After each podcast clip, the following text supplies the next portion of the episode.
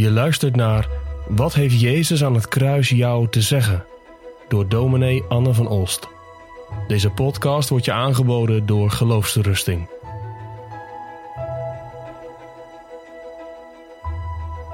Het zesde kruiswoord is dat machtige kruiswoord, korte kruiswoord, maar het machtige kruiswoord over het volbrachte werk van de Heer Jezus Christus. En je vindt het in Johannes 19, vers 30. En daar staat, toen Jezus dan de zure wijn genomen had, zei hij, het is volbracht. En hij boog het hoofd en gaf de geest. De Jezus heeft zes uur aan het kruis gehangen als deze woorden klinken. Eerst drie uren van spot. En dan drie uren van Godverlatenheid, van duisternis. En als hij geroepen heeft, mijn God, mijn God, waarom heeft u mij verlaten? Dan gaat die duisternis voorbij. Dan is het weer licht.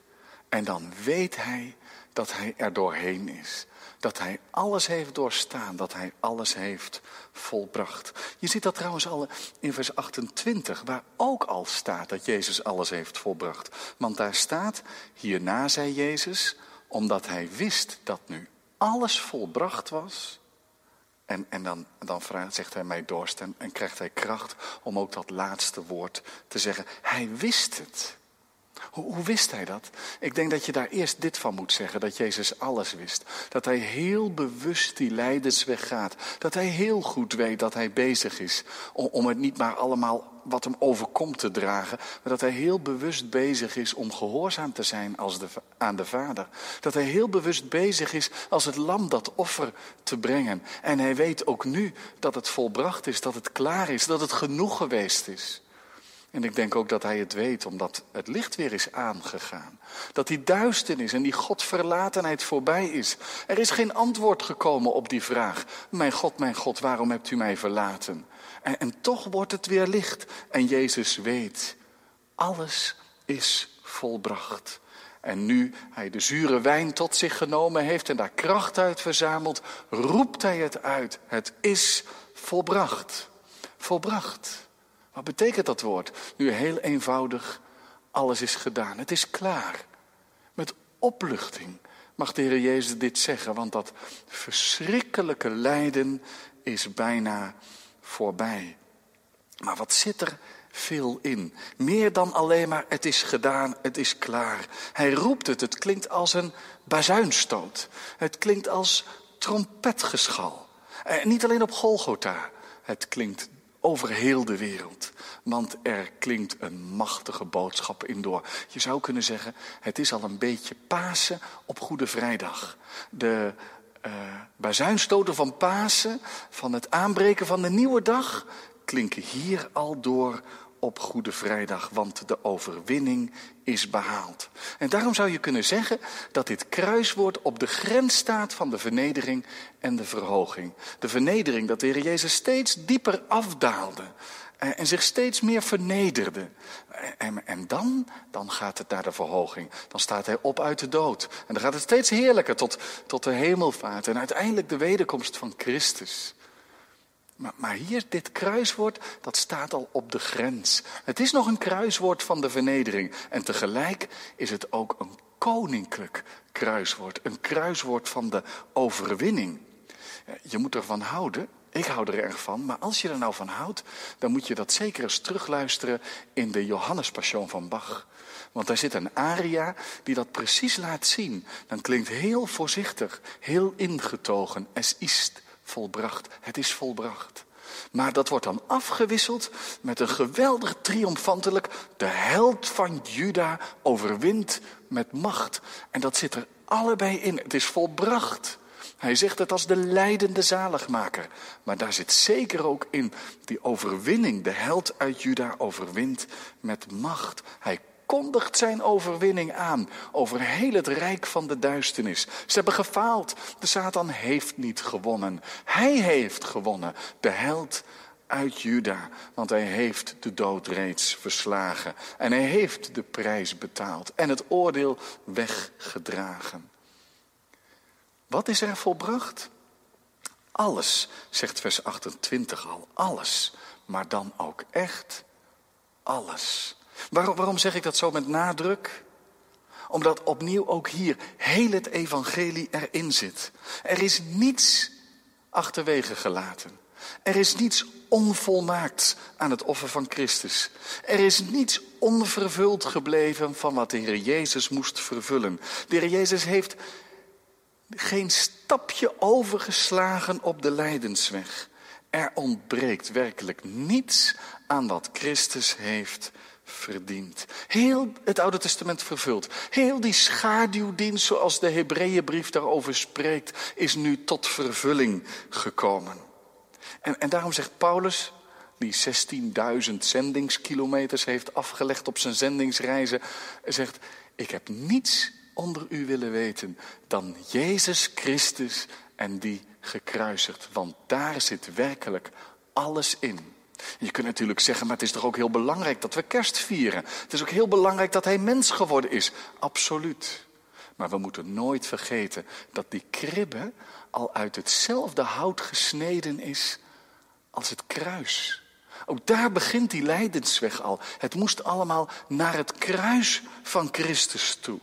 En dat is nu geweest. Nu roept Jezus het. Het is volbracht. Mijn hele weg die al in Bethlehem begon. Maar die is nu volbracht. Het offer is gebracht. Er mankeert niets aan. Alle gehoorzaamheid die de Vader van mij gevraagd heeft, die heb ik gegeven. En nu blijft er werkelijk niets meer over wat nog gedaan moet worden. Weet je hoe mooi de Hebreeënbrief dat zegt? In Hebreeën 10, vers 14. Want met één offer heeft hij hem die geheiligd worden tot in eeuwigheid volmaakt. Het is volbracht. Hij heeft het lijden volbracht, maar heeft ook heel de wet vervuld. Daarvoor was hij ook gekomen, om als de tweede Adam in onze plaats te staan en alles te doen wat wij niet konden doen. Niets blijft er meer over voor ons om te doen. Geen zonde, geen falen, geen tekort kan ons nog hinderen, want de toegang is vrij door Golgotha. Je kunt dan natuurlijk wel vragen, moet er dan echt niets meer gedaan worden? Hij moet toch ook nog sterven? Hij moet toch het graf nog in? Hij moet toch de dood nog overwinnen? En de paasmorgen dan? Dat is zeker waar. Maar ook dat overkomt hem niet.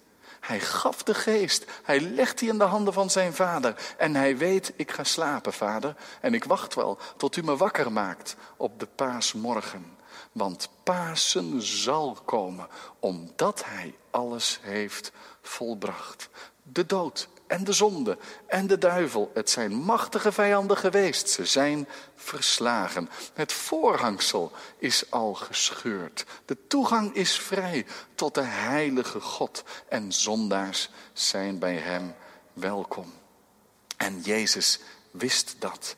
En hij wil dat wij het weten ook. En daarom roept hij het uit. De heer Jezus blijft preken, ook vanaf het kruis, tot op dit moment. Hij zegt het tot zijn vader. Vader, het is waar hè, alles is volbracht.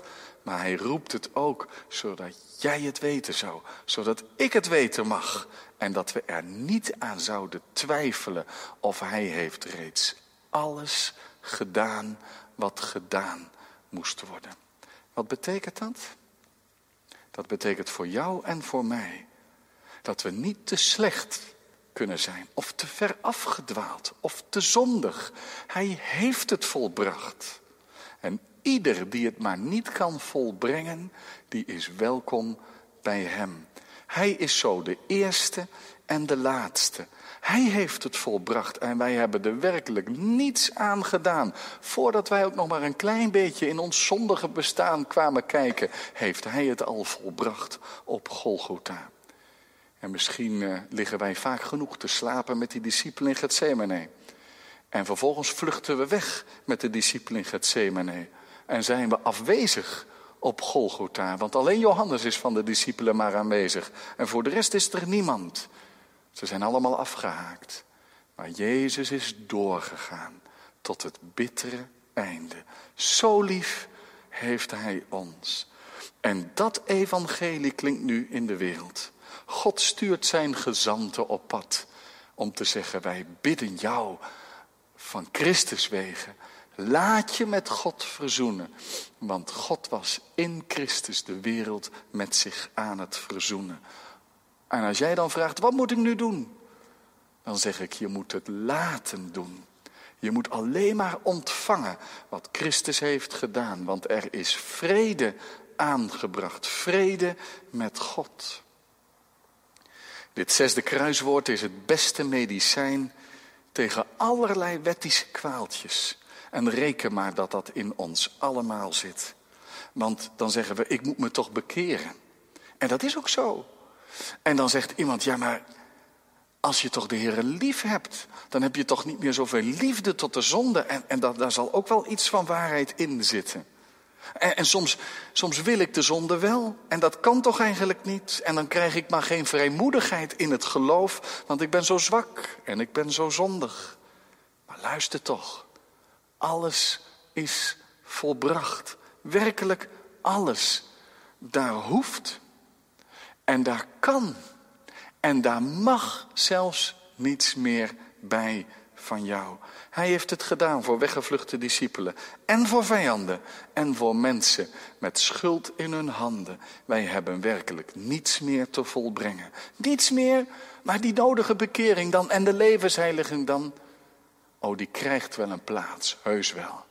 Maar die heiliging is, zo zei iemand eens, als een klimop die opgroeit tegen het kruis. Je ziet er ook altijd de vorm van het kruis in. Die heiliging bloeit en groeit daar, waar je zo dankbaar bent voor het volbrachte werk van de Heer Jezus Christus. Dankbaarheid voor alleen maar genade. Er is genade voor jou. En Jezus Christus heeft dat verdiend. En als je jezelf betrapt op de gedachte, ja maar ik moet. Oh, als je iets moet is het wel dit, dat je je trotse hart opgeeft. John Flavel schreef een boek over de zeven kruiswoorden. En hij zei, hoe gevaarlijk en schadelijk is het als we aan dit volbrachte werk iets willen toevoegen. We moeten onze trotse harten eraan leren overgeven. Wat moet jij doen om zalig te worden? Het laten gebeuren aan jou, want Jezus heeft het volbracht. Alles werkelijk alles.